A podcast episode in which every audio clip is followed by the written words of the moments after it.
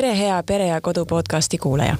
mina olen Katariina Libe ja täna me räägime startup'i loomisest laste kõrvalt ja ühtlasi me räägime sellest, miks tasuks mõelda selle üle järele, kui sa oma lastest midagi internetti postitad.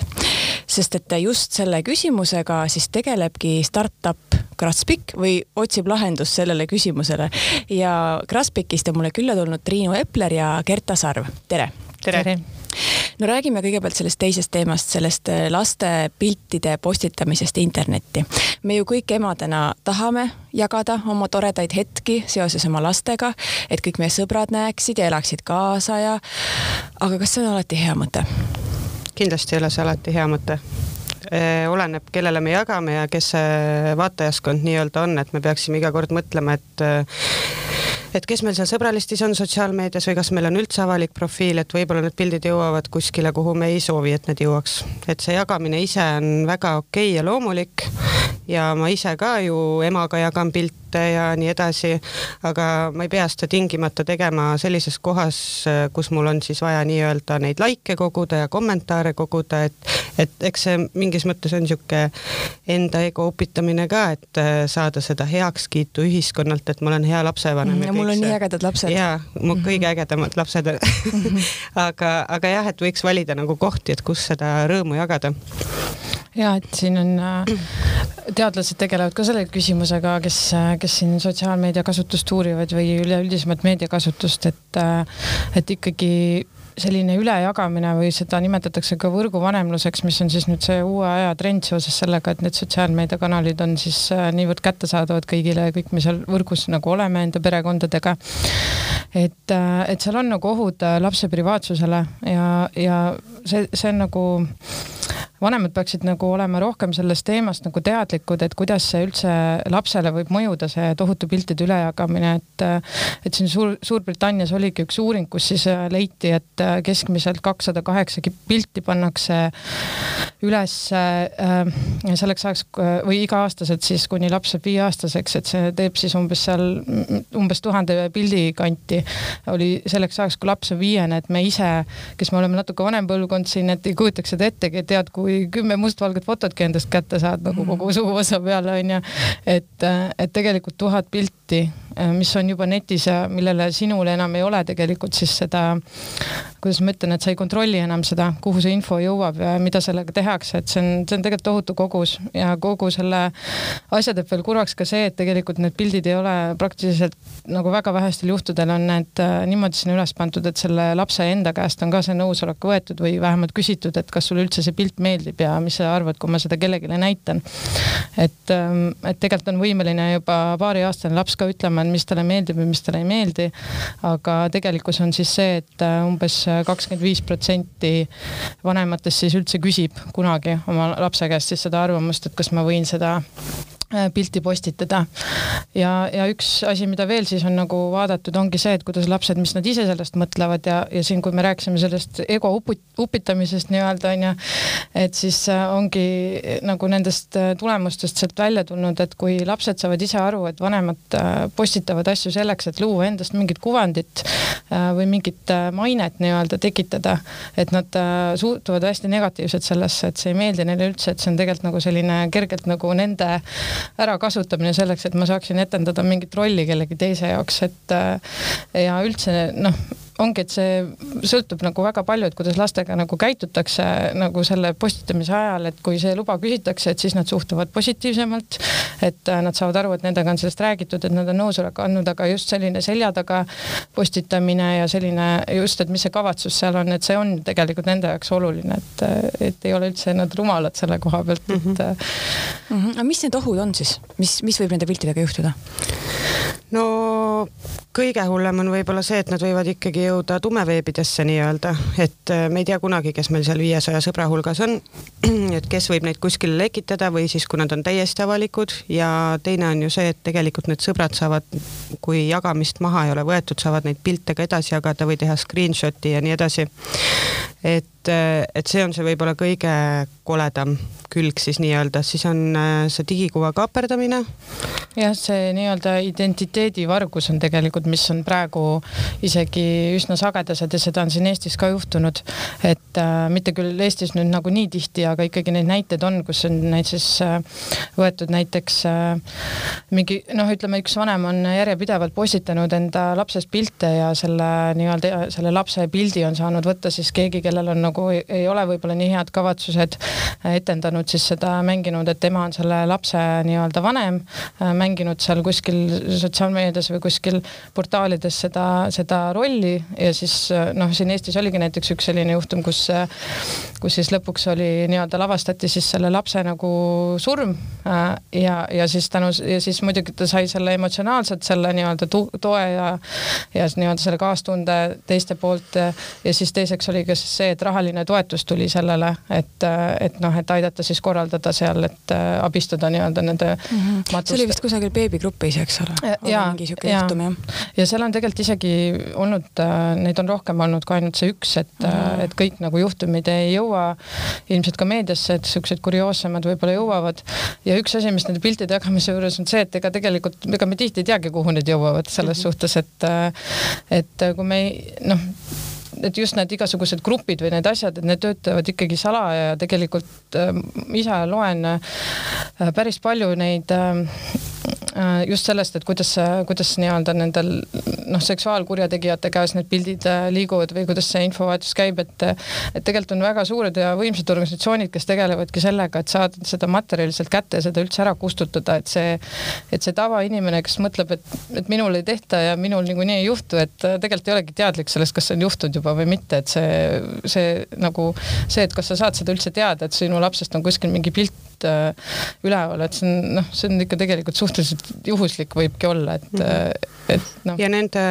piltide jagamise juures veel, et kui just sellest identiteedivargusest nii-öelda rääkida, et me tegelikult paneme juba selle ultraheli pildi ülesse, siis kui meil sünnib, siis me anname teada, mis kuupäeval ta sündis, mis ta täisnimi on, kus kohas ta sündis, et me anname nagu väga palju infot ära juba, mille põhjal ongi võimalik neid vargusi teha, sest et, et mõni pahatahtlik inimene ongi, võib-olla ta on lihtsalt sinu kade endine sõbranna seal sõbralistis kooliajast või mis iganes.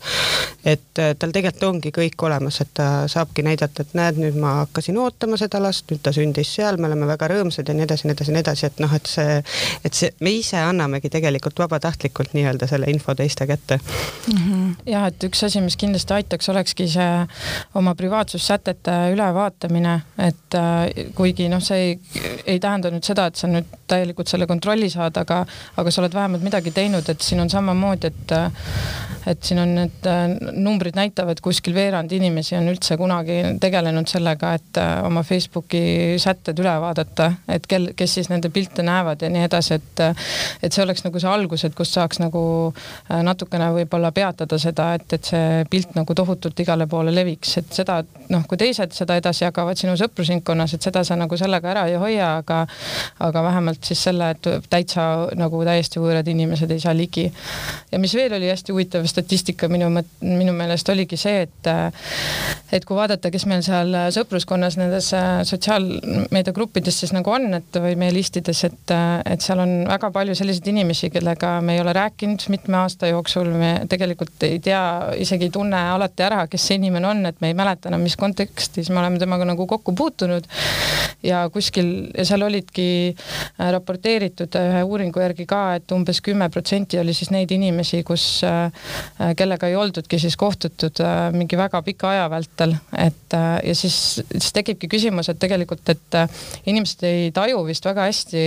mulle vähemalt endale isiklikult tundub, et kellest nende sõbralist üldse koosneb, et et tegelikult see nagu Triinu siin alguses mainis, et see jagamisvajadus kindlasti meil on ja selline toetuse saamine ja, ja see on nagu hästi noh, et see ongi hästi oluline, et aga tegelikult me vajame seda nagu mingilt grupilt inimeselt, et meil ei ole seda tegelikult vaja sisuliselt sellest, et meie töökaaslased või juhututtavad ähm, noh, meile seda nagu avaldaksid, et, et ja noh, et selle pilguga võiks siis nagu vaadata, et kes see ring siis nagu ikkagi on, et kes on tegelikult oluline ja, ja noh, minu arust isiklikult on veel ka see pool, et et no reeglina tegelikult noh, ikkagi teisi inimesi, kes ei ole sinu lapse elus osalised või ei ole kuidagi temaga seotud, et kui palju neid tegelikult üldse see käekäik nagu huvitab, et see on ka niisugune asi, millele mm -hmm. mõelda, et, et tegelikult noh, et, et huvitabki seda, kellel on võib-olla mingid halvad kavatsused, et teisi see võib-olla jätab nagu külmaks, et et lapse elu võiks ikkagi jääda selle privaatsuse mõistes ka ikkagi nende inimeste teada, kes tegelikult ka tema elus on mingit rolli nagu kannavad, et mm. -hmm. ma tegin natukene taustatööd ja ma saan aru, et te olete varem rääkinud ühest juhtumist, äh, kus siis ema leidis oma lapsest tehtud äh, seksnuku kusagilt internetist müügil. rääkige sellest ka natuke või siis lapse näo järgi tehtud. no see oli jah, nüüd mitte Eesti juhtum, et mm -hmm. see välismaal leidis aset, eelmisel aastal oli see, kui ma ei eksi. ja tõesti, et ta postitas ka oma lapsest väga nunnu pildi mm, lihtsalt sotsiaalmeediasse ja siis mingi hetk keegi tuttav Amazonis äh, ringi liikudes äh, nägi, et tema lapse näoga samas asendis äh, nuku on müügil kuuesaja dollari eest et see oli päris nagu šokeeriv selle ema jaoks ja üldse, et, et tegelikult ega sellised avastused ei ole väga mõnusad ühelegi lapsevanemale, ma kujutan ette. ja, ja see ongi täpselt see, et me ei tea tegelikult, kellega me neid jagame ja me ei tea, kuhu need edasi liiguvad, et mille järgi see tuvastati, oligi see, et need sokid olid seal täpselt ühesugused tehtud nagu sellel lapsel ja see asend, kuidas ta istus ja kaisumõmmi, mis tal kõrval oli. ja noh, täiesti selline pilt pilt, mida panekski albumisse, et fotograaf tegi ja kui sul endal mingeid kaldeid ei ole nii-öelda, siis sinu jaoks ongi täiesti tavaline laps seal pildi peal. aga, aga need, kellel on mingid kõrvalekalded, et äh, nende jaoks äh, oligi ilmselt midagi, mis äh, tundus, et võiks müüa mm. -hmm. et üks asi, mis on ka välja tulnud siin Äh, uuringutest või sellest, et kui rääkida, et miks üldse vanemad postitavad, mis minu arust on ka niisugune hästi nagu kuidagi huvitav äh, fakt, et äh, et tegelikult paljud vanemad postitavad neid pilte sellepärast, et nad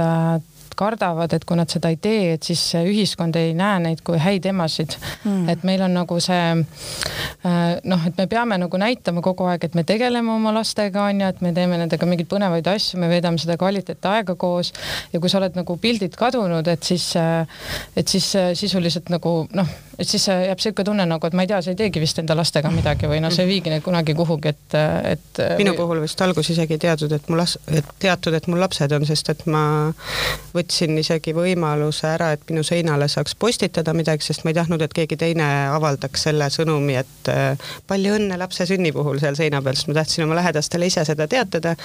ja, ja siis tegelikult ma nagu avalikult ei pannudki ja tihti oligi, kui nägid vana, vanu koolikaaslasi või kedagi, siis et noh, et kuidas läheb. aa, mul on nüüd juba kolm last, mis asja, kuna sa esimese said umbes, et et jah, et kui tegelikult hakkad mõtlema, et kellele või miks ma siis pean seda sisu sinna panema, et siis mm -hmm. võib-olla seal ei ole tegelikult loogilisi seletusi ja siis võib-olla jääb see postitamine vähemaks ka mm. -hmm. no samas ilmselt, kui sa võib-olla oleksid postitanud, siis võib-olla see koolikaaslane ikka poleks mäletanud. Tõsi, seda ka et jah. et ega tõesti need teiste võõraste inimeste ja. lapsed nii väga ei huvitagi. aga ikkagi me ju noh, nagu te mainisite ka, et me lapsevanemana soovime jagada seda rõõmu mm. -hmm. aga ma saan aru, et teie olete siis välja töötanud turvalise lahenduse selle rõõmu ja nende piltide jagamiseks, et rääkige, millega siis teie startup tegeleb no meie siis jah, lõime mobiilirakenduse, kus saab siis samamoodi tegelikult pilte lähedastega jagada, aga seda saabki teha siis väikese ringiga ja nii-öelda kutsuda need inimesed emailiga sinna, kes ongi siis tõesti lapsele kõige lähedasemad. ja, ja me oleme ka selle üles ehitanud selliselt, et äh, me tegelikult ei lase sinna tuhandeid-tuhandeid pilte üles laadida korraga, vaid pigem ongi need kõige erilisemad hetked. E, sest et kui me siin ja panna sinna kontekst taha, et kui me konteksti taha ei pane ja paneme ühe hetke kohta sada pilti, sest et äh, ta oli lihtsalt nii nunnu iga väikse nurga pealt, et, äh, et siis tegelikult me ei mäleta lõpuks, et miks või kus või mis see toimus siis ja mis see tegelik lugu seal taga oli, et me olemegi rohkem äh, fokusseeritud sellele, et jääksid need lood alles koos selle pigem siis ühe pildiga. ja, ja on samamoodi võimalik seal kommenteerida ja like ida lähedaste inimeste poolt, aga, aga täpselt ongi, et me ei loo sellist äh, võimsat äh, sotsiaalmeediaplatvormi, kus äh, nii-öelda siis kõik kõik sõbrad peaks olema ja kõike sisu peaks postitama, et seal ongi võimalik luua lapse või laste profiilid eraldi ja siis seda lugu nii-öelda ajateljel siis äh, jutustada, mis jääb siis ka lapsele pärast äh, meenutuseks alles. miks see lugu on oluline? Üks põhjus, miks äh, on see oluline, on kindlasti see, et äh, see tugevdab äh, perevahelisi suhteid, kui on sellised ühised mälestused, mida siis või traditsioonid, mis tekitatakse ja neid siis läbi selle lapse kasvamise aja siis pidevalt nagu taas uuendatakse või, või sellest räägitakse, et, et siin samamoodi uuring, uuringud nagu näitavad, et, et need pered, kes jutustavad ja räägivad võib-olla rohkem on lastega, et üks pool on see kommunikatsiooni pool, et nende kõne on nagu kiirem, nad äh, nagu arenevad selles valdkonnas äh, äh, kiiremini. aga siis teine pool ongi see, et neil on ka näiteks parem selline stressitaluvus ja noh, nad ei ole nii altid nagu sellele depressioonile või muudele sellistele vaimsetele nagu meeleoluhäiretele just tänu sellele, et neil on see, võib-olla see eneseidentiteet on nagu tugevam, ütleme, et nad mhm. teavad, kust nad pärinevad, et kes need on, kes on need inimesed, mis on see taust, on ju, kust nad on tulnud, et see, et see kõik tugevdab seda lapse nagu mina pilti ja seda, et ma olen kahe jalaga siin maa peal ja, ja ma teangi, et kes ma olen, et, et ma ei pea ennast nagu tohutult siin mm -hmm. otsima, on ju, et, et noh, et tegelikult sellise, kui me ühiseid mälestusi loome, et siis me äh, reeglina ikkagi võtame selle aja, et olla koos, et, et me veedame mingisugust aega seda kvaliteetset, me pöörame üksteisele tähelepanu ja tegelikult see kõik annab selle sõnumi, et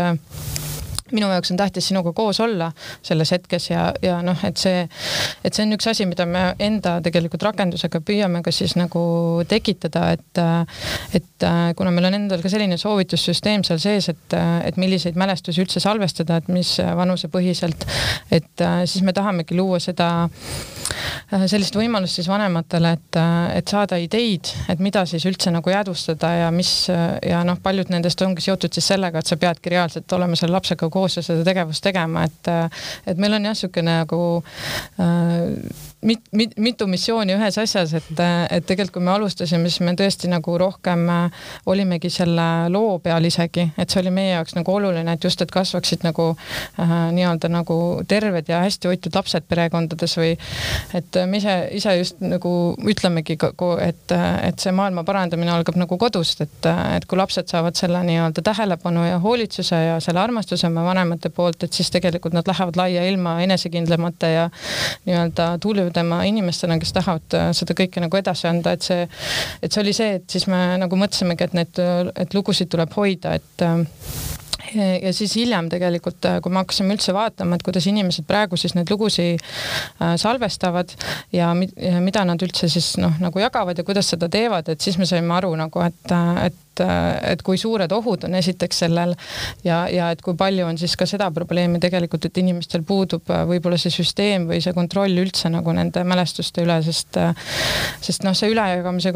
kultuur meil on, et me teeme ka tohutult palju pilte ja, ja need pildid samamoodi on äh, laiali ja meil mm -hmm. tegelikult tihti organiseerimata ja see mõte sellest, et me üldse neid korrastada võiks, on lihtsalt nii nagu selline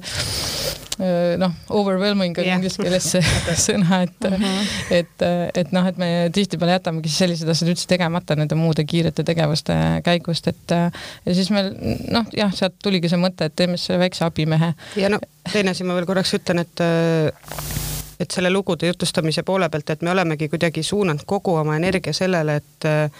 näidata neid ilusaid hetki seal sotsiaalmeedias, et ega väga palju meie neid kurbi või mingeid teisi hetki ei pane, mis on tegelikult ka üks osa lapse kasvamisest, et, et alati ei ole kõik ilus ja lapsevanemana ei ole kindlasti kõik lihtne ja ilus.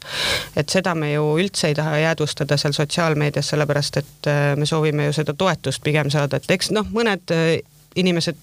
panevad ka neid raskemaid juhtumeid ja kõike sellist asja. aga et seal jääbki tegelikult see lugu poolikuks ja siis äh,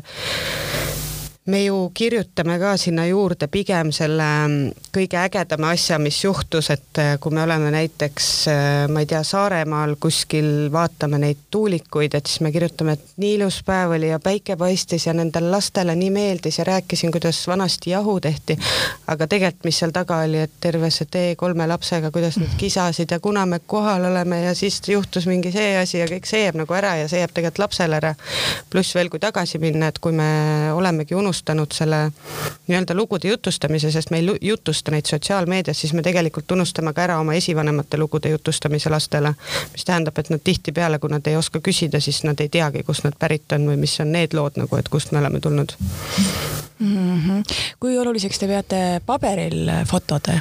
väljalaskmist, kas te ise, kas teil endal on sellised fotoalbumid kodus? on. Jah, ma ei, ma ei saa nagu öelda, et mul kõik on albumid -hmm. aga ma ikkagi ka, meil on nüüd niisugune traditsioon tekkinud, et äh, me ühele lapsevanemale siis igaks tema sünnipäevaks kingime mingi hunniku pilte siis Äh, ja, ja siis ma kuidagi samal ajal siis prindin endale ka needsamad pildid välja, et siis oleks nagu endal olemas ja temal olemas, sest et äh, hästi raske on hoida seda, sest et äh, seda jälge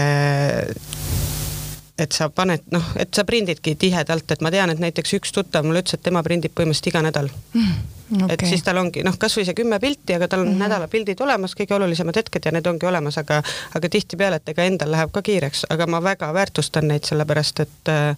ma mäletan enda lapsepõlvest, et meil oli meeletult albumeid ja siis meil olid need karbid, kus oli veel meeletult pilte ja mulle nii meeldis neid vaadata, mulle meeldis neid ema-isaga vaadata ja me rääkisime neid lugusid järjest kogu aeg äh, nii enda kus ma ise pildi peal olin või nende lapsepõlvepilte ja nii edasi.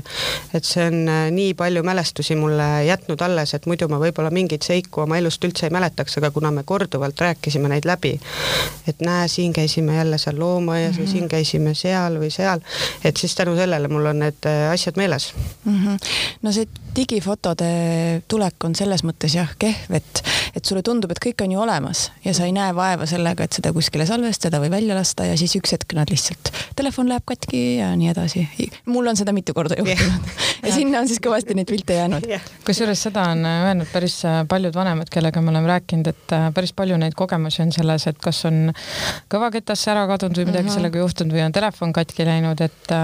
kõige kurvem lugu oli siin ühe vanemaga, kellel oligi siis terve esimese beebi aasta pildid kõik läinud, et tegelikult on see suur kaotus, et emotsionaalselt suur kaotus, et muidugi sa elad edasi ja elu läheb edasi, aga tegelikult iga vanema jaoks on see nagu väga tähtis, et sellised asjad oleksid nagu alles. et, et me ise ka tegelikult oma rakenduses et äh, tahame jõuda selleni, et, et, et noh, me tahaks äh,, tahame ka, et oleks võimalik tegelikult füüsilisel kujul ka need pildid endale jätta, aga meie, meie puhul siis ongi see, et me otsimegi praegu lahendust sellele, et kuidas seda teha nii, et see lugu ja need äh, nii-öelda mõningad faktid, et kasvõi see, et kui vana su laps sel hetkel oli, et need oleksid siis seal kuidagi mugavalt kohe nagu ka kõrval, et mm, -hmm. et, et, et ainult fotode trükk äh, on ka tore, aga me ise nagu püüdleme kogu aeg selle poole, et saaks nagu juurde ka selle loo osa, et kui mul on tõesti tõesti võtnud vaevaks, et kirjutada, et mis emotsioonid mul tol päeval olid või, või mis selle pildi nii eriliseks tegi, et siis see on nagu noh, see annab nii palju lisandväärtust hilisemaks nagu selliseks äh, meenutamiseks ja nagu sellest rääkimiseks mm. -hmm. ma arvan, et see loo osa on väga oluline, sest ma mõtlen samamoodi, et kui mu vanaema suri mm, -hmm. siis jäi ju kastide viisi neid fotosid, aga keegi enam ei mäleta, kes need inimesed on, mis lugu nende piltide mhm, taga on mm. -hmm. kunagi oli jah veel see komme isegi, et äh, minu arust vanemad inimesed äh, vähemalt kirjutasid äh, pastakaga taha, et mm -hmm. mis kuupäeval foto on mm -hmm. tehtud ja mõnikord, et kes seal peal on, aga nüüd ma vaatan, et tegelikult, tegelikult see on ka ära kadunud nagu, et tõesti, et, äh, et kui enam seda loo rääkijat ei ole, et siis sa tegelikult enam ei teagi, mis seal nagu toimub, et on lihtsalt, lihtsalt nagu ongi kast fotosid. jah. aga kuhu te selle Graspic'iga edasi tahate liikuda või mis teie missioon või mis teie eesmärgid on? no eesmärk on ikkagi see, et äh, et äh, inimesed võtakski vaevaks ja hakkaks neid lugusid ikkagi rohkem äh, salvestama ja nad hakkaksid seda pereringis tegema ja tekiks selline pereringis jagamine, et et emad ka, et nad saaksid ühtepidi, nagu Gerta mainis, et meil on see soovitussüsteem, et mida mingis vanuses märgata, et äh, seal ongi nii arengulisi mõtteid kui aktiivtegevusi, et viia see nii heale tasemele, et see tõesti aitaks emasid veel rohkem ja et nad sellest oma lähiringist tunneksid seda toetust, et nad on head lapsevanemad, et see ei pea ainult ema olema, vaid isa ka, et me ju tihti mõtleme, et äh, et ma olen läbi kukkunud äh, vanemluses ja nii edasi, et, et kaoks see hirm ära, sest, sest seal sotsiaalmeedias paraku on isegi need grupid, kus sa peaksid abi leidma, et küsid mingi küsimuse, et minu laps selles vanuses teeb nii, et seal ikka lõpuks keegi tuleb ja hakkab äh, õiendama või targutama, aga, aga sul seda süüdkoormat on nii palju juba ja seal sotsiaalmeedias tekib seda rohkem ja rohkem, ju. et ikkagi tekitada selline koht, kus need nii-öelda olekski need lood, säiliksid, et äh, vanemad jutustaksid neid lugu, lugusid lastega rohkem koos, miks mitte iga õhtu näiteks päevasündmused läbi rääkida selle kolme pildiga, mis sinna on võib-olla pandud või kasvõi ühe pildiga. ja, ja et neil oleks niisugune väike lähiringi grupp, kes, kus nad tunnevadki seda toetust ja nad ei vaja seda, et sotsiaalmeedias peab kõik see üleval olema mm. -hmm. kui palju teie olete turvalisuse peale mõelnud, kui enne oli see tumeveebi jutt, et, et kas teie süsteemidesse või teil on, ma ütlen, et mingis virtuaalses keskkonnas need? no praegu meil on ja ikkagi endal ka on asjad äh, üleval nagu pilveserveri, serveris ja noh, me kasutame siis äh, äh sellist äh, back-up imissüsteemi ja siis äh, me oleme valinud sellised serverid, mis on lihtsalt oma tehnoloogia mõistes ikkagi äh,, ikkagi siuksed üli nagu turvalised või siis nagu, et selle, et need investeeringud, mis äh, nende serverite jõus hoidmiseks nagu tehakse, on nagu, on väga suured. et meil endal ongi siis äh, äppi veel ehitatud see süsteem, et äh, et äh, kui sa nii-öelda jagad oma lapse ajajoont ja, ja, ja sina juhuslikult ei ole näiteks selle lapse äh, profiili administraator, kelleks on siis tavaliselt ema või isa, aga näiteks ütleme, et isa tahab jagada ka näiteks enda vennale seda, et siis sellisel juhul ikkagi see kutse nagu nii-öelda vajab administraatori poolt kinnitust, ehk siis sa oled nagu tegelikult kogu aeg peremees, et keegi ei saa sinu lapse ajajoont edasi jagada, et see on, see on üks asi, mille me tegimegi selleks, et ei tekiks sellist olukorda, kus ajajoonele hakatakse liitma kolmandaid isikuid, ilma et see inimene nagu ise tegelikult oleks nagu kursis sellega, et juba on kuskile midagi jagatud. et me pöörame suur, noh, kuna me ise ju nii-öelda kõneleme selle turvalisuse eest, et siis muidugi see on meie jaoks nagu äärmiselt oluline ja me tegeleme sellega nagu tegelikult kogu aeg ja kui me noh, selles mõttes teeme, äh, arutame seal arendusprotsessis, et milliseid nagu otsuseid või arendusi teha, et siis et, et noh, et see kõik alati lähtub sellest turvalisuse aspektist. ja noh, praegu näiteks ka see, et me isegi oma kodulehel, no me otsime ka pidevalt selliseid häid alternatiive, et noh, et näiteks noh, toon, toon välja, et kui meie kodulehte külastada, siis meie näiteks küpsiseid ei kasuta, sest meie jaoks ei ole äh, nagu see Äh, kuidas ma ütlen, et, äh, et see turvalisus ei piirdu ainult sellega, et, äh, et mis nagu või ainult sellega, et kas sa jagad pilte üle või mitte, et vaid see ongi nagu see meie nagu see võib-olla see vaade, et eh, üleüldine vaade nagu, et kõik, mis me teeme, et me ei taha oma kasutaja andmeid ise ka ekspluateerida või kuidagi nagu eh, võtta sealt midagi, mida me ei vaja või et eh, jah, me näiteks peame teadma, kui vana on laps, sellepärast et me tahame soovitada talle eapõhiseid siis neid noh, noh, neid tegevusi või, või jah, mingit, mida tähele panna nii-öelda, aga, aga me ei, nagu me, meil on hästi nagu endal võetud see positsioon, et, et me kindlasti nagu nagu ei, ei kasuta neid andmeid nagu ära kuidagi pahatahtlikult või, või ei hakka mõjutama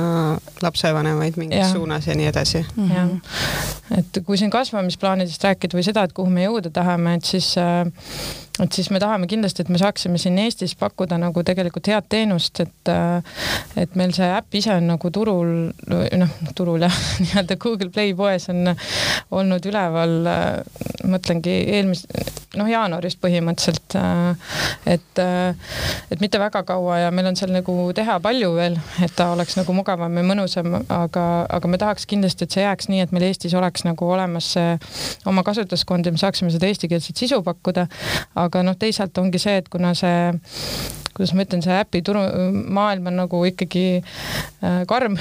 Või noh, ütleme, et neid pakkujaid on palju, konkurentsi on palju, et siis me juba teame, et ega me Eestisse sellega kindlasti niimoodi jääda ei saa, et äh, et meil on lihtsalt liiga vähe inimesi selleks. Mm, -hmm. et, et, et me tahame ikkagi laieneda ka teistele turgudele mm. -hmm. et see on nagu niisugune pikem, pikem perspektiiv, et kuhu me tahame jõuda. aga jah, et üks äh, suund või mis me kohe alguses ära otsustasime, et Eestis me tahame ikkagi seda eesti keeles pakkuda, et see sisu oleks eesti keeles seal ja et oleks ikkagi niisugune käepärane, et okei okay,, sa need lood lisad, saad ju sinna ükskõik mis keeles lisada, et äh, võib äpp inglise keeles olla ja lood saad ikka eesti keeles panna, aga lõpuks sul on ikkagi mugavam kasutada seda, kui ta on su emakeeles, et, et kuna eriti see väikelapse kõrvalt see elu on nii kiire, et siis on kuidagi endal, noh, kuigi kõik juba oskavad inglise keelt, aga mm -hmm. lihtsalt tähtsam. no aga kui sa vanaemad, vanaisad sinna lisad, siis noh, neil on võib-olla keeruline. jah just. ja see on ka üks põhjus, et miks, miks me nagu eelistame seda, et on emakeeles nii-öelda. et, et see vanem põlvkond, kes ei ole võib-olla, kõik ei ole keeleliselt nii osavad, et siis, et siis ka nemad saavad nagu seal osaleda mm. -hmm. ja üldse, kui siin enne küsiti, et mis me tahame äpiga saavutada, et, et üks nüanss, mis ma tahtsin veel välja tuua, on see ka, et, et meil ongi nagu see ka oluline, et see lapse kasvamise lugu ei jääks nagu ainult ühe vanema põhiseks, et mina olen kõige aktiivsem nii-öelda tavaliselt see on ema on ju, et kõik, et kogu see lapse kasvamine on siis tema perspektiivist, et, et meie noh, äpi visioon ka siis see, et kõik saavad postitada, kellele on see luba nagu antud, et, et tekikski see, et mida laps tegi vanaemaga koos, mis on mm. need vanaema lood on ju, mis ta tegi, mõnel lapsel on tädi-onu hästi oluline inimene nagu elus on ju, et mis, mis temaga koos sai tehtud, mis on need lood temaga, et. ja tihtipeale on isal need mingid eriti naljakad fotod just last, lastest mm. tehtud, et ja. siis tegelikult need ju ei jõua ka kuhugi, et kui need kõik on seal äh, nii-öelda koos, et siis tulebki see tervik kokku, et näed, isaga tegingi iga pühapäev käisin seal näiteks, et ongi sellest see pilt äh, või mingi lugu on ju, et, et kõik oleks nagu seal jah, et tõesti, et ei oleks ainult see ema vaade sellele asjale mm. -hmm. ja ma arvan, et see on väga äge mõte. enne salvestama hakkamist me rääkisime natuke sellest vanemast põlvkonnast, praegu tuli jutuks, et mm, -hmm. et vanem põlvkond on kindlasti hea sihtgrupp, sest nemad on need kes kõige rohkem kipuvad postitama ja võib-olla ka lastepaljaid pilte ja nii edasi, et, et nendele on see nagu, on keerulisem selgeks teha, miks ei ole hea mõte võib-olla Facebooki kõike panna. ja et äh, vanemad äh, inimesed on tegelikult jah, tõesti altimad isegi, et kui me siin enne jah, põgusalt natuke enne äh, salvestust jah rääkisime, et, et on näha, et tänased noored emad, et nende hoiakud siis on natuke muutumas või nad on nagu teadlikumad nendest ohtudest ja see tuleneb mingis osas ka sellest, et nad on saanud oma mingisugused vitsad kätte juba, et et on postitanud mingeid pilte, mis on hilisemas elus siis neile võib-olla natukene nagu saanud mingis kohas takistuseks või probleeme põhjustanud. aga vanematel inimestel väga seda kogemust ei ole ja neid, äh, neil on üldse nagu väiksem võib-olla teadlikkus nende sotsiaalmeedia ohtude su suhtes. et, äh, et tõesti, et ma ei, ma ei tea nüüd, mis see hea lahendus jah, selles mõttes nüüd, äh, et, et noh, et kas seda teadlikkust nagu saab äh, ilmselt ikkagi kuidagi ka suurendada, aga kindlasti neil on loomupärasem nagu selles mõttes see ülejagamine, et äh, noh, Graspikuga on jah see pluss, et siis vähemalt jääb sinna ringi, kelle sa oled ise lubanud, et. ja kui me päris vanavanematest räägime, siis tegelikult vanavanem on ju seal, kus nende lapsed ja lapselapsed lõpuks on, et et kui mina hakkan neid pilte ikkagi ainult Graspikusse panema ja see vanaema saab neid ainult sealt vaadata mm -hmm., noh, siis ta tuleb ka sinna ja tal võib-olla kaobki vajadus ära seal Facebookis olla või Instagramis või kus iganes, sest ma tean, et minu emal on ka igal pool vist kontot, ta ise ei postita mitte midagi, aga lihtsalt selle jaoks, et jälgida, mida mm -hmm. meie teeme mm. -hmm. Mm -hmm. et, et see, tahtsin veel siia juurde lisada, et et äh, igas peres võiks tegelikult see vestlus ära olla, sellepärast et sotsiaalmeedia mm, nagu on nii suur osa juba meie elus, see mõjutab meid nii paljudel tasanditel, me oleme tegelikult isiklikus elus, tööelus, kõiges oleme nagu sellega seotud. et tegelikult see ei ole kuidagi tabu, kui sa räägid nagu läbi enda perekonnas, et kuidas meie perest üldse pilte postitatakse või mida postitatakse. et äh, alati need ei ole üldse, isegi vanemad omavahel, ema-isa ei pruugi olla üldse ühel meelel sellel ja sellepärast oleks nagu väga hea nagu rääkida need piirid läbi ja, ja selgitage ta siis teisele poolele ja siis ka vanavanematele, et miks sina leiad, et see, et seda teha ei tohiks, et,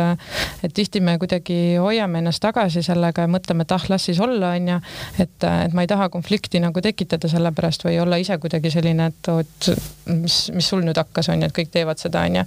et et aga noh, ma ise küll soovitan nagu, et, et rääkige see teema läbi, et, et ma ütlen enda isiklikust kogemusest, et näiteks ka mina ja minu elukaaslane oleme nagu erinevad selles suhtes ja noh, mul on endal üks vanem laps, kes on juba nüüd äh, kaksteist ja teine on mul sihuke noorem. et, äh, et tegelikult, kui mu enda laps äh, sündis, esimene laps, et ma ei olnud ka absoluutselt teadlik nendest asjadest, ma noh, postitasin ise samamoodi ja tegelikult üldse ei jaganud, et või noh, seda ei jaganud seda matsu nii-öelda, et seal üldse mingid ohud on, et siis alles kuidagi tulid ka need asjad nagu või ja, ja nüüd ma olen nagu lihtsalt ise nagu kasvanud nagu teadlikumaks, olen rohkem selle teema kohta uurinud ja, ja saanud aru nendest ohtudest. ja ega noh, samamoodi ühel hetkel lihtsalt rääkisime mehega, et mis on okei okay ja mis ei ole okei okay,, sellepärast et tema äh, ju selle infoga ennast sellisel viisil kogu aeg kurssi polnud viinud nagu mina, ehk siis nagu meil oligi vaja see teema omavahel korraks nagu ette võtta ja rääkida läbi, et see on normaalne, et tegelikult me kõik ei olegi selles samas infoväljas. aga jah, ma ise jah, nagu julgustan, et, et kui teid ikkagi ikkagi häirib, et olgu see siis vanaema või, või tädi või onu või kes iganes äh, teie lastest äh, ise jagab neid pilte, et siis, äh, et siis rääkige ja öelge, et miks teile see ei meeldi või, või et palun austada teda privaatsust, et no,. minul, kui esimene laps sündis, siis ma mäletan, et üks tuttav ka ütles, et aa, kas ma võin temaga pilti teha, tal endal veel lapsi ei olnud ja siis ma ei, jah, sa võid teha, aga et kuskile üles ei pane nagu seda aa jah, okei okay,, okei okay., ma nagu ise alguses olin küll nagu, oligi raske öelda aga mõtlesin mm, -hmm. ma ütlen selle lihtsalt välja ja kui ma selle juba esimest korda välja ütlesin, siis juba nagu hiljem tundus, et, et see ongi nüüd minu seisukoht ja, ja nii ongi, et ja kusjuures minu enda väike õde või noorem õde on ka blogija või sihuke elustiili blogija ja ja kui meil on perekondlikud üritused, näiteks minu selle noh, praegu on väiksema kaheaastane, et on tema sünnipäevad, siis tema ka teab, et ta, et ta tavaliselt kirjutab, et ta käis ja et oli sünnipäev, aga kõik pildid on siis, kas ongi, kas on seljaga või, või, või siis on hoopiski mingitest muudest objektidest sellest sünnipäevast, et et tema ka nagu noh, olengi ära rääkinud, et minu jaoks ei ole okei okay,, et tegelikult tema publik on, ei ole absoluutselt nagu minu lapsest kuidagi noh mm -hmm., ei ole nagu kuidagi üldse seotud, et siis ma ne, nagu ei näe põhjust, et miks need pildid peaksid olema seal. et tegelikult on, saavad aru küll, et, et ka pereliikmed, et kui nendega rääkida sellest lihtsalt mm. -hmm. no vot, teil on endal väiksed lapsed. Kuidas siis startup'i loomine väikeste laste kõrvalt on välja näinud? no käntide, kivide ja käntide. aeglane, selles mõttes, kui me räägime niisugusest traditsioonilisest startup'ist, siis me oleme ikkagi väga-väga-väga aeglased, sest koroona on nüüd eriti neid kivisid ja kände meile visanud ette, et nagu Gerta ütles, et tal üks laps on vanem ja teine noorem, ehk et siis tal oli ju kodukool pluss mm -hmm. lasteaed kinni, minul olid lihtsalt kolm last lasteaia kõrvalt äh, kodus mm -hmm.. noh, see ootus, et kuidas te ei saa laste kõrvalt kodus tööd teha, et sa ei oska lapsi kasvatada, et noh, kui sul on ikkagi nagu lapsed aktiivsed ja neile meeldib tegeleda ja mängida ja nii edasi, et nad ei jõua kaheksa tundi lihtsalt istuda noh, ma ise ka ei jõudnud, kui ma no, väike olin, ma olin ka hästi aktiivne ja tahtsin jutustada ja kõik, kõik. ja kui pidevalt on mingid videokoosolekud ja mingid asjad, siis noh, oligi tihti, et laps on seal süles, küll seal paneb läpaka kinni, küll paneb sul kõlarid kinni, siis ta karjub ja noh, nii edasi, et et eks ta on nagu kõvasti väga palju tempot maha võtnud ja, ja kuna meil mõlemal on, siis me selles mõttes mõlemad andestame üksteisele jah, et selle, see on äh, küll meie puhul võib-olla selline, mis on nagu teinud asja nagu lihtsamaks, et, äh, et me oleme nagu mingis mõttes nagu ühel meelel olnud selles, et see, et kuna väikelapse kasvamise esimesed aastad on niivõrd olulised, et, äh, et siis nagu perekond tuleb nagu esimesena, et me teeme nagu nii palju, kui, kui, kui meil on nagu võimalik ja, ja, ja, ja lihtsalt liigume siis täpselt nii kiiresti, kui me saame sellega liikuda, et, et aga me nagu ei ohverda siis või noh, eks me oleme ikkagi ohverdanud seda nii-öelda äh, pereaega ka, aga me ei tee seda sellisel kujul, et, et, et see, et, et nüüd selle asja käima lükkamine on maailma kõige tähtsam asi meie jaoks, et et see on tähtis, aga, aga noh, mina alati nagu olen siin Triinule ka naernud, et et teeme teistele emadele kvalit-, kvaliteetaja, aja veetmise äppi ja siis iseenda lastega ei veeda aega, et et samamoodi tahame veeta, et, et jah, ühesõnaga, et mis me nagu mõtlen, et kui me alustasime, et siis me tegelikult ootasime alles lapsi, et meil ei olnud nii-öelda need viimased lapsed sündinud, et käisime siin kiirendites, käisime ajujahis äh,, olime tegelikult ise mõlemad seal lõpurasedad, lõpetasime veel ülikooli ära niimoodi, et äh, Triinul oli vist kaks kuud enne lõpetamist sündinud ja minul sündis nädal enne lõputöö esitamist ja et äh, eks me oleme mõelnud, et me oleme jah, küllaltki sitked olnud selles, mis me oleme teinud, et mõning-, mõne, mõned hetked on sellised nagu rasked olnud, aga noh, endal on võib-olla, kui sul on natuke noh, samas on nagu võib-olla pakkunud see nii-öelda mingi oma asja tegemine selle väikese vaheldusega sellele kodusele elule, et, et ma arvan, et me kumbki ei ole Triinuga ka äh, sedasorti inimesed, kes suudaksid äh, sada protsenti ainult kodus olla, et meil on see vajadus nagu kuidagi tegeleda mingite oma äh, asjadega ja mingit sorti eneseteostusega on ikkagi nagu tugevalt sees. et, et nii, nii me siis nagu kombineerimegi. kuigi nüüd viimasel ajal oleme mõelnud, et võib-olla sihuke peaks hoopis turismitalu pidama või või mööblit hakkama restaureerima, et lapsed seal kõrval on palju rahulikumad mm., sest et kui nii kui telefoni kätte võtad või arvuti lahti teed, siis läheb nagu põrgu lahti kohe, aga mhm. kui ma ei tea, väljas kasvuhoones toimetad või peenra peal või midagi, et siis on neil jumala chill ja siis nad mängivad omaette ja see on nagu jumalast okei okay,, onju. et äh,. seal võib-olla on see armukadeduse moment, et ema räägib nüüd kellegi teisega. jah, võib ka see olla või noh, siis ongi, neil on kohe, seostub see tööga, et mm. Äh, ja kuna see esimese laine kodusoleku periood oli ikka väga pikk ja mõlemad mehega olime enamus ajast kodus ja tegime tööd vaheldumisi seal, et kes siis õhtul ja kes hommikul. et, et võib-olla ongi tekkinud niisugune kerge trauma sellega või, või ei oska öelda jah ja et kindlasti see noh, minul on ka läinud hästi sellega, et kuna mees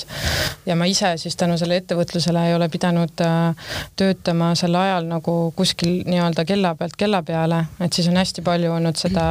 tuge tegelikult siis äh, ongi olnud sellest ülejäänud nii-öelda võrgustikust, et, äh, et et noh, töötame mehega nii-öelda üksteise alla, aga noh, see ei ole ikkagi sama võrdväärne kui töötada nii-öelda täiskohaga kuskil, et et lihtsalt tuligi leppida selle olukorraga, et praegu on, praegu on nii, et äh, ei saa kõike täistuuridel mm -hmm. teha. ja noh, ma, ma ütlen veel kord, et see on nagu meie selline õnnistus nii-öelda, et me oleme hästi sarnases positsioonis tänu nagu väikelastele, tänu sellele me nagu mõistame üksteist ka selles osas paremini, et et kui keegi nüüd mõtleb, et ise hakata Äh, seda startup'i tegema niimoodi, et on päris üksi siis äh, ja väikese lapse kõrvalt, et äh, mulle ikkagi tundub, et seal peab olema mingisugune tugivõrgustik mm -hmm. või mhm. mingisugused inimesed teoks, et sa saaksid ikkagi noh, kui sa teed tööd, et sa saaksid sellele ikkagi nagu keskenduda, et, et ma, ma arvan, et me ei oleks nagu nii kaugel, kui me ei oleks seda kahekesi tegelikult ette võtnud, et ma ei usu, et me kumbki tegelikult oleks nagu tõesti isegi siin täna võib-olla, kui kui me ei oleks nagu koos seda teinud, et see on olnud tegelikult päris oluline aspekt nagu. mis, mis meil võib-olla on ka sihuke nii-öelda komistu-, mitte komistuskivi, aga mida me ei ole saanud teha, et see startup võrgustik on tegelikult niisugune ikkagi kommuun ja see on nagu niisugune tugev kommuun, kus ikkagi ja Eestis ta ei ole nii suur, et kõik teavadki kõiki. aga mis meil ongi raskendanud seda jalga võib-olla seal nagu tugevamini ukse vahele panna, ongi see, et ega me tegelikult ju nende väikeste laste kõrvalt, nendelt üritustelt, kus nii-öelda sotsialiseerutakse, ei ole saanud osa võtta suurest äh, jaost, et siis me olemegi nagu selles osas ka palju maha jäänud mõelnud, et eks me siis olemegi siin omaette toimetame ja ja, ja noh, alguses me nimetamegi ennast, et me oleme ikkagi väike ettevõte, mitte mingi startup. sest meile tundus, et me sinna startup'i maale ei hakka üldse pürgima, aga siis me natuke uurisime rohkem, mis see startup'i maailm on, siis meil lihtsalt oli neid tunnuseid liiga palju, et siis me pidime ennast sinna liigitama ikkagi. mis need startup'i tunnused on siis? No tegelikult ongi see kiire kasv ja, ja tehnoloogia ikkagi suuresti. Mhm. ja just see skaleeritavus, et ja. sa saad nagu kiirelt äh, jah, ettevõttena nagu kasvada, et äh, et meie see mudel nii-öelda, et, äh, et meil noh, kuna meie äpi heaks toimimiseks on vajalik nagu suur kasutajabaas, et siis, et seda noh, isegi Graspiku sellist ütleme, praegu oleme me suunanud oma selle tegevuse just väikelaste vanematele, aga tegelikult seal võimalused kasutada samasugust platvormi on ka näiteks äh, noh, mingitele muudele valdkondadele, et koeraomanikele. just, et äh, just tahtsin selle öelda, et näiteks lemmikloomad mm. -hmm. No, et äh, kõikidel on ju mhm. igasugused. sport, harrastused. jah, et igasugune selline kasvamise teekond, et kus ma tahan jälgida progressi ja tahan seda, et see jääks mulle lugude ja nii-öelda daatumitena nagu alles, alles, et seda tegelikult on seal võimalik teha, et et me lihtsalt valisime selle esmalt nagu just selle nii-öelda väikelapse vanema, sellepärast et meile tundus, et seal on nagu see kõige suurem see piltide jagamine ja kõige suurem selline võib-olla toe ja suhtlusvajadus ka mm. -hmm. Et... ja eks me ise olime ka ju parajasti väikelapse staadiumis, et siis ise ka tundsid, et pilte teed palju, aga justkui lõpuks nendega midagi teha ei jõuagi. no esimese lapse kõrvalt see beebialbum on meil, minul väga kenasti täidetud. teise mm -hmm. lapse puhul esimene kuu, kolmandal lapsel vist ei ole seda raamatut umbes niimoodi. mul ei ole kummalgi et eh, jah, nii ta paraku on. millal see mõte tekkis, kui kaua aega tagasi ja, ja, ja kui, kuidas see nagu välgatus siis tuli?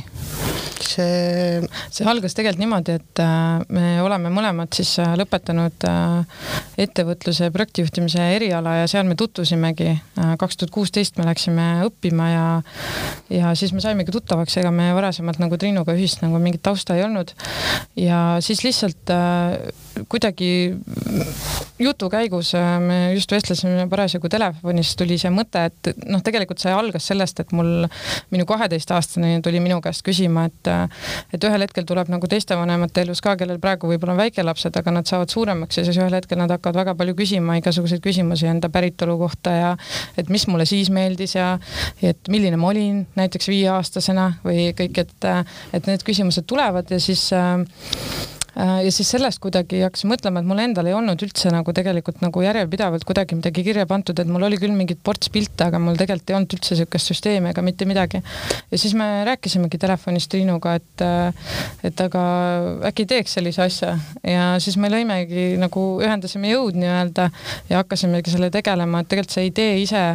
juba oli kaks tuhat kaheksateist, kui me hakkasime äh, sellest rääkisime. Ja siis kogu järgmise aasta me pühendusime, pühendusime koos koolis siis sellele, et me tegime oma kõik koolitööd, äh, seostasime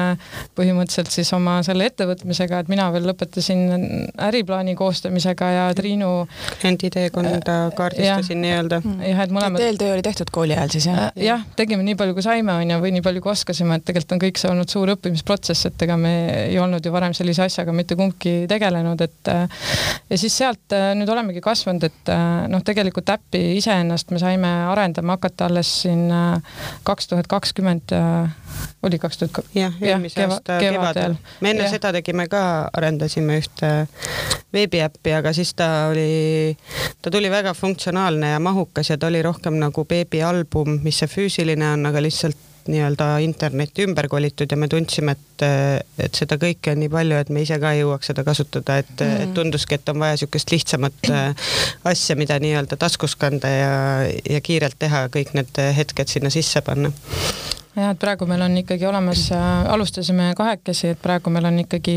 nii-öelda see põhitiim laienenud ja meil on äh, kolm arendajat, et äh, et me oleme nagu selles mõttes ka suhteliselt uhked selle üle, et me oleme suutnud nagu kaasata enda meeskonda inimesi, et ja praegu me oleme ka täiesti sõltumatud, ehk siis nagu et kõik see, mis me oleme ehitanud, oleme enda jõudude ja rahadega teinud, et, et meil ei ole nagu praegu äh, nii-öelda kuskilt selliseid kellegi teise huve ka mängus, et siis on et see on ka tegelikult üks põhjus, mis meil, miks meil on olnud ilmselt võimalus seda tempot ka valida. et, et me ei pea mm. -hmm. noh, kui ilmselt äh, oleks välisinvestor või investeering kuskilt, et siis ikkagi see tempo läheb hästi kiiresti, hästi kiireks, et, äh, et siis on ikkagi seal ega me seame endale ka kindlaid äh, asju, kuhu me tahame jõuda, aga nagu me just ütlesime, et me ei jäta seda pere teisele, kolmandale, neljandale kohale, et kui ikkagi on olukord selline, et kõik on kodus, siis noh, siis me lepime sellega. et me oleme hoidnud nagu ennast tagasi. eks lapsed kasvavad ja eks me saame ka seda tempot järjest juurde lisada ja ja minna kiiremaks, et ja eks meie oleme ka jõudnud sinnamaale, et ega omad vahendid hakkavad ka vaikselt läbi saama, et eks äh, mingi hetk tuleb ikkagi hakata ka aktiivsemalt tegelema sellega, et leida see välisrahastus, et saaks kiiremini minna välisturgudele ja, ja nii-öelda hakata raha tagasi tooma siis endale, et praegu meil on see kõik tasuta ja, ja, ja need põhifunktsionaalsused jäävadki meil tasuta, et äh, neid me ei tahagi lukku panna, aga et mingil hetkel äh, et ei ole võimalik heategevusena päris sellist mm -hmm. asja hoida, et tuleb ikkagi mingi rahaline sissetulek sealt ka te tekitada mm. -hmm küsin lõpetuseks, et äh, millised on teie nõuanded teistele emadele, kes siis ka väikeste laste kõrvalt mõtlevad, et võiks, võiks midagi uut käivitada? Mitte muretseda, mina olen täiesti vist sihuke, et äh, ma isiklikus elus muretsen ikka väga-väga-väga palju igasuguste asjade pärast, aga kuidagi ärimaastikul või noh, ütleme sellel ettevõtlusmaastikul ma olen vist täiesti no ma ei tea, ma ei karda nagu või, või kuidagi sihuke, ma ise tunnen, et ma olen sihuke kartmatu. et, et kui mingi mõte tuleb, et siis äh, mitte panna seda kuskile kapi otsa, et ah, mina,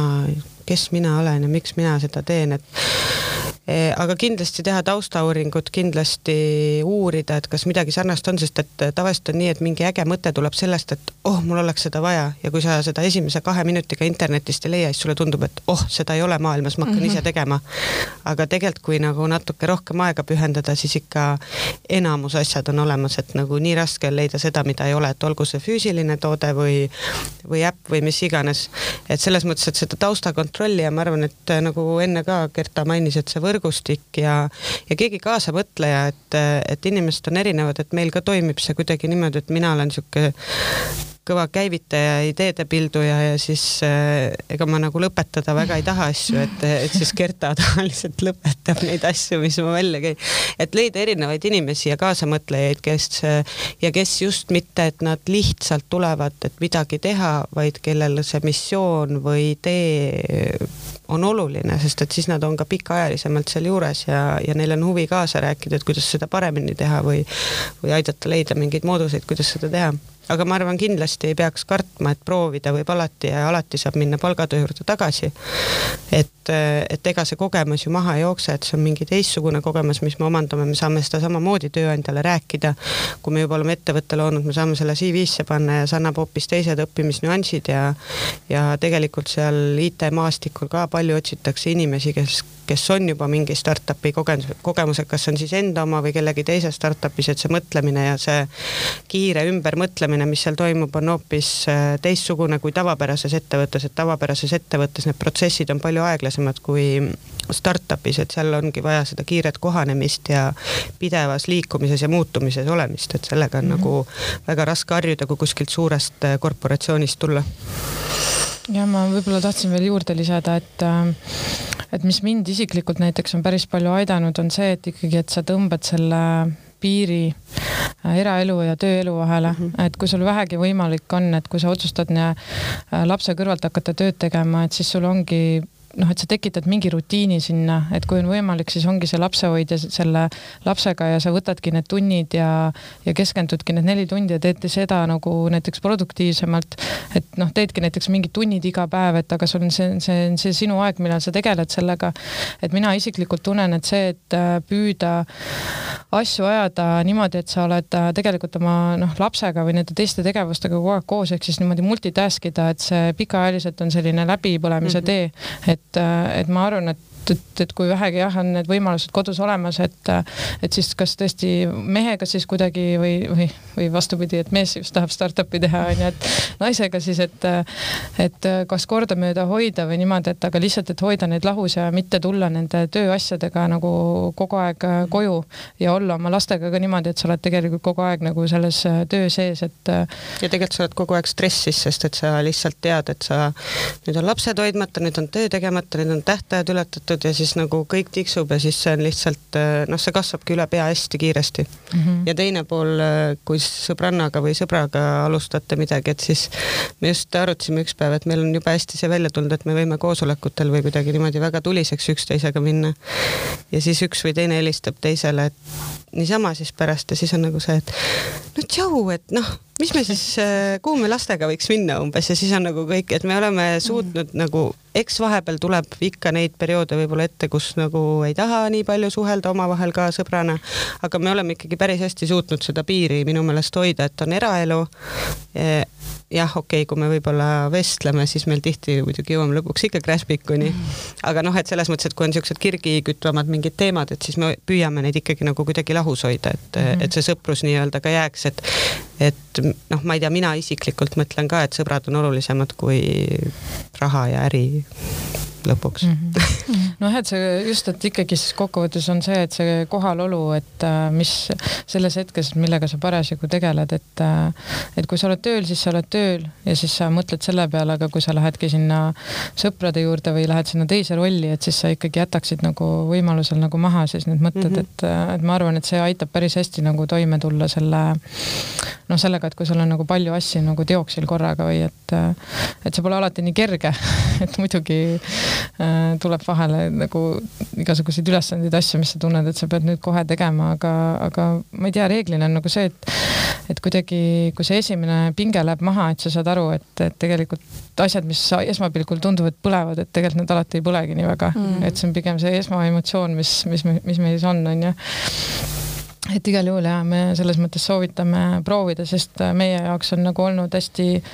igatpidi nagu ennast arendav ja huvitav nagu teekond, et, et ma ütlen, et ma olen ise nagu väga tänulik, et me tegime seda äh, ikkagi siin väikelaste kõrvalt ka, et see on nagu nii hea väljund olnud äh, noh, teha midagi iseenda jaoks ka, et, et see on see minu aeg on ju, või noh, kuidagi, et, et et. kuigi võiks jooksmas käia hoopis selle asemel. No mingis mõttes on ka väike, väikse beebi kõrvalt nagu selles mõttes turvaline, et vanemahüvitis jookseb ja saad ja, rahulikult vaadata. ja kindlasti. ja kusjuures jah, see on hea, hea nagu point, et, et tegelikult ega meil ka see võimalus ikkagi suuresti tekkis ka tänu sellele, et me olime selles mõttes finantsiliselt kindlustatud, et me ei pidanud nagu tegelikult siin esimesed poolteist aastat ju selle pärast üldse muretsema, et kindlasti nendel, kellel,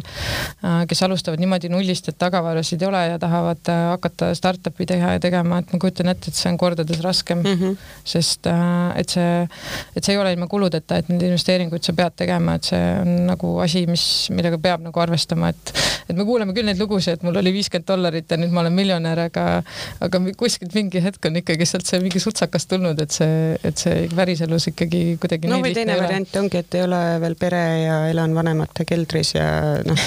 siis saab ka selles mõttes aga aitäh, Triinu ja aitäh, Kerta. aitäh, aitäh kutsumast. aitäh, armas kuulaja, et sa meid ära kuulasid. ma loodan, et said natukene inspiratsiooni ja kõik meie saated on ikka leitavad Spotify'st, iTunes'ist, SoundCloud'ist ja teistest suurematest podcast'ide rakendustest